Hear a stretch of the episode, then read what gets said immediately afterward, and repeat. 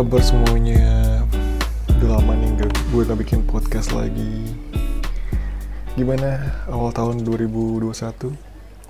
Atau lebih tepatnya 2020 part 2 Sudah punya resolusi baru? Atau kalian masih struggling dengan COVID-19 Social distancing, ke mana-mana pakai masker nggak bisa jalan-jalan, kerja harus work from home, terus sekolah juga masih online, gimana? Nah untuk podcast kali ini gue kebetulan ada satu yang ngeganjel gitu. Jadi belakangan ini uh, banyak teman-teman gue yang curhat gitu masalah percintaan pastinya dan kebanyakan mereka break up gitu di akhir tahun kemarin. Ada yang udah tahunan atau masih bulanan gitu. Cuman terlepas dari seberapa lama kalian pacaran gitu kan tetap putus itu nyebelin. Dan mungkin kalian nggak mau ya putus sama pasangan kalian gitu kan. Nah di sini um, gue pengen ngasih beberapa tips sih. Maksudnya uh, post breakup kalian tuh nggak ngedown ngedown banget gitu kan.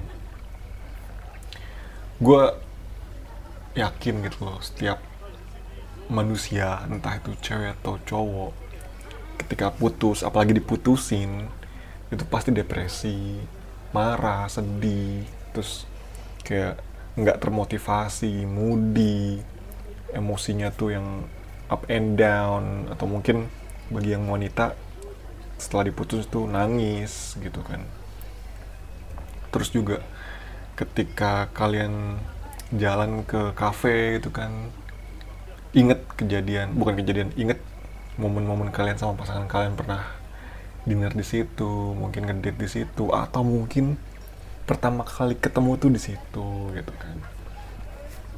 Dan pada akhirnya semua berujung pada sakit hati gitu loh. Tapi santai dulu chill. Gue punya beberapa tips supaya post breakup kalian tuh positif gitu. Ingat nih ya kata kuncinya itu adalah waktu. Jadi semua rasa sakit eh, kemageran kalian nggak ada motivasi itu pasti perlahan-lahan berkurang gitu loh. Kenangan-kenangan kalian sama dia itu bakal hilang seiring berjalannya waktu. Nah tapi untuk mencapai itu gimana kalian harus ngelakuin sesuatu. Nah, dan gue dan gue bisa bilang hal yang akan kalian lakukan ini sulit dan berat gitu loh. Tapi impactnya bakal kalian rasain. Jadi bagaimana proses healing yang benar ketimbang kalian ngelakuin hal-hal negatif yang malah bikin proses healing kalian itu lama gitu loh. Kadang nih ya kita setelah diputusin tuh kayak udahlah malas ngapa-ngapain pengen menyendiri dulu gitu kan. Nggak mood. Kerja tuh jadi nggak fokus banyak ngelamun. Tugas kuliah nggak ada yang dikerjain terus jadi lebih emosional atau mungkin yang introvert jadi makin pendiam malas makan. Apalagi yang paling parah itu kalian malah uh, minum-minum alkohol gitu kan.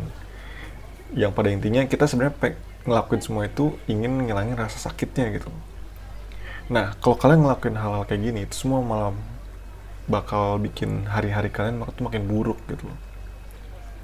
Tips yang pertama dari gue itu satu jangan minum minum alkohol ya kan? Karena uh, gue ngomong berdasarkan pengalaman gitu. Ada temen gue yang putus ya kan? Dia bilang temenin gue dong minum-minum gini-gini gue baru putus sama pasangan gue gini-gini oh ya oke okay, ayo gitu kan gue temenin. Nah ketika dia drunk ketika dia mabuk uh, semua perilakunya dia nggak bisa dikontrol gitu sampai klimaksnya dia nelpon mantannya pada saat kondisi drunk. Dan itu dia ngomong kayak confession gitu kayak uh, iya aku masih sayang sama kamu aku kangen sama kamu segala macam bla bla bla. Nah itu yang perlu dihindari gitu loh. Kita nggak bisa ngontrol diri kita ketika mabuk. Dan yang kedua adalah besok paginya ketika kalian hangover itu nggak enak banget pala kalian pusing ya kan? Sakitnya nggak hilang apalagi hati sakit hatinya juga masih tetep gitu nah makanya gue bilang jangan sampai kalian minum-minum alkohol ketika baru putus gitu loh. Yang kedua jangan isolasi diri sendiri gitu loh. Maksudnya gini loh ketika kalian putus jangan ngedekem aja di kamar gitu kan nonton film dengerin lagu-lagu sedih ya kan? Karena ketika kalian mengisolasi diri sendiri itu nanti kenangan-kenangan yang lalu tuh kenangan sama dia tuh datang lagi kalian inget lagi momen-momen manis momen-momen lucu-lucu sama dia ketawa bareng happy bareng. Ujung-ujungnya apa? Kalian yang kayak jadi sedih lagi gitu loh. Nah makanya di sini uh, eh, gue bilang jangan mengisolasi diri. Kalau bisa kalian dikeliling oleh orang-orang yang mensupport kalian peduli sama kalian. Intinya tuh kayak sharing. Entah sama temen sama keluarga sama mama sama orang sama papa yang mungkin kalian deket sama orang tuanya gitu. Tapi intinya sharing sama orang yang tepat gitu jadi ketika kalian sharing mereka bisa ngasih masukan yang proper dan naikin mood kalian lagi gitu bukan malah ke bikin kalian makin down. Nah jadi maksudnya gini loh. Kenapa gue bilang orang yang tepat? Karena ada beberapa gitu loh. Kita sharing ke temen dia malah nyudut nyudutin kita gitu kan. Misalnya gini kan gue udah bilang dia tuh nggak baik gini gini gini gini. Dia tuh orangnya egois tukang selingkuh segala macem. Men orang yang lagi putus lagi breakdown itu butuh penyemangat gitu loh. Makanya kayak cari orang yang tepat misal kayak ke mama kalian gitu kan atau papa kalian yang lebih wise gitu kan. Mungkin gap antara mereka dan kita tuh jauh tapi nggak ada salahnya kita minta semangat dari mereka gitu loh. Ini namanya orang tua pasti nyemangatin ya kan mungkin mama kalian bisa ngasih masukan ya nggak apa-apa. Berarti belum jodohnya. Kamu bisa belajar dari kejadian ini. Nah maksudnya seperti itu gitu loh. Terus juga mungkin kalian bisa hang out gitu kan. Kayak pengalaman gue dulu gue pernah stupid gara-gara cinta gitu kan. Gue tuh yang diem nggak ke mana-mana. Terus gue kayak denger denger lagu sedih ya kan. Menghabiskan waktu sendiri gitu loh. Dan pada akhirnya gue kayak nggak berkembang. Sampai akhirnya teman gue notice gitu kan gue menghilang gitu. Nggak ada kabar segala macam dia ngontak gitu kan. Akhirnya gue cerita nah teman gue ini yang udahlah ngapain sedih-sedih? Udah kita main aja jalan-jalan lo mau ke mana? Gitu. Gue temenin. Dia bilang kayak gitu. Akhirnya apa? Gue keluar kota gitu kan. Kayak refreshing having fun gitu loh. Jadi itu yang perlu kalian lakukan. Jangan mengisolasi diri sendiri nah yang ketiga ini penting banget nih buat kalian yang baru putus dan banyak dari kalian ngelakuin hal ini. Jangan sekali-sekali cari pelarian apa pun alasannya gitu kan. Misal kalian uh, ah mau cari pelarian aja lah. Bukti kalau gue tuh laku misalnya. Banyak yang mau enggak. Konsepnya enggak kayak gitu.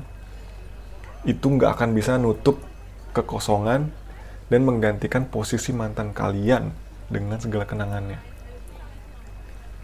Jadi selain itu nyusahin diri sendiri kasihan nanti si pelariannya ini misal kalian deket lagi sama cewek atau cowok gitu kan. Nah mereka mungkin berharap banyak nih sama kita nih gitu loh. Tapi ternyata kita sama mereka cuma nganggep pelarian aja gitu loh, untuk bikin kita senang sesaat gitu loh. tapi tidak menutup kemungkinan ketika kita nyari pelarian kita bisa move on gitu loh. Tapi kebanyakan kasus nggak ada yang works gitu jarang banget gitu jadi kita juga malah ngerugiin orang lain kasihan mereka gitu loh. Makanya ada baiknya kita healing dulu sendiri. Quality time sendiri perbaiki diri kita sendiri dulu. Kalau kita sudah siap untuk membuka hati kepada orang lain itulah waktunya kita cari pengganti mantan kita gitu loh. Yang keempat uh, kita harus apa ya? Mempersiapkan diri kita untuk menjadi pribadi yang lebih baik. Working on yourself. Cari kegiatan dan hobi positif yang bisa bikin kalian jadi pribadi yang lebih baik gitu social life kalian dikembangkan juga ketemu dengan banyak orang ya kan? Jadi ini momen di mana kalian tuh mencintai dan membahagiakan diri sendiri. Jadi prioritas kalian sekarang adalah diri kalian sendiri dulu ya kan? Mungkin kalau yang cewek boleh ganti gaya rambut cara berpakaian cari teman baru. Ketika uh, misalnya kalau kalian punya hobi gitu kan hobi kalian apa? Uh, fotografi. Belajarlah skill baru. Videografi video editing. Atau kalian seneng jogging seneng main sepeda kembangin terus gitu loh. Jadi kalian tuh konsen ke hal yang lebih positif gitu loh. Jadi ini momen di mana kalian tuh kayak build up yourself. Jadi ketika kalian uh, memperbaiki diri sendiri itu tingkat kepercayaan diri naik. Nah ketika percaya diri naik rasa sakit yang sebelumnya kalian rasain itu mulai turun perlahan-lahan. Ya kayak gitu konsepnya. Nah yang terakhir jadi uh, pada akhirnya ketika kalian sudah menjadi diri kalian yang baru ya kan kalian versi 2.0 gue yakin daya tarik kalian meningkat dan bisa dapetin orang yang bisa mengapresiasi kalian dari segi apa pun. Intinya, kalian mengajarkan kepada orang lain yang mau PDKT sama kita nih, bahwa ini loh, kita sudah menjadi versi yang baru, sudah bisa menghandle segala sesuatu dengan baik, sudah lebih bijak, manajemen emosi kita sudah baik, gitu kan. Kita sudah bisa uh, memahami diri kita sendiri, seperti itu. Nah, jadi nanti di di mata calon pasangan kalian kalian tuh terlihat solid gitu loh. Ibarat pohon akarnya sudah kuat kayak gitu. Dan juga yang paling penting jadikan semuanya ini pelajaran gitu loh. Belajar uh, kalian bersyukur pernah ketemu orang yang sulit seperti mantan kalian. Next time kalian ketemu orang dengan sikap dan perilaku yang sama kalian tahu bagaimana menghandle orang itu. Kayak gitu. Kalau prinsip gue jangan fokus ke sesuatu yang kalian nggak bisa kontrol. Misal kalian diputusin, ya itu kan di luar kontrol kalian, gitu. Kalian nggak bisa ngontrol mereka mau stay sama kita sampai meninggal atau enggak. Nah, makanya kita fokus sama sesuatu yang bisa kita kontrol, yaitu diri kita sendiri. Ya kan? Kenapa diri kita sendiri? Karena kita bisa ngontrol nih. Kita mau jadi pribadi yang seperti apa kita ingin melakukan hal apa, kita ingin menekuni hobi apa, kayak gitu. Pada intinya ya untuk kebaikan kita sendiri, untuk kita menjadi pribadi yang lebih baik, gitu. Gimana menurut kalian? Ada tambahan nggak? Atau kalian punya tips yang bisa nambahin supaya pasca putus kita tuh menjadi lebih positif? Gitu. That's it dari gue. Sampai ketemu lagi di podcast 70% berbagi. Ciao ciao. Jangan lupa tetap ikuti protokol kesehatan, pakai masker, jaga jarak aman dan jauhi kerumunan. Oke? Okay? Bye bye.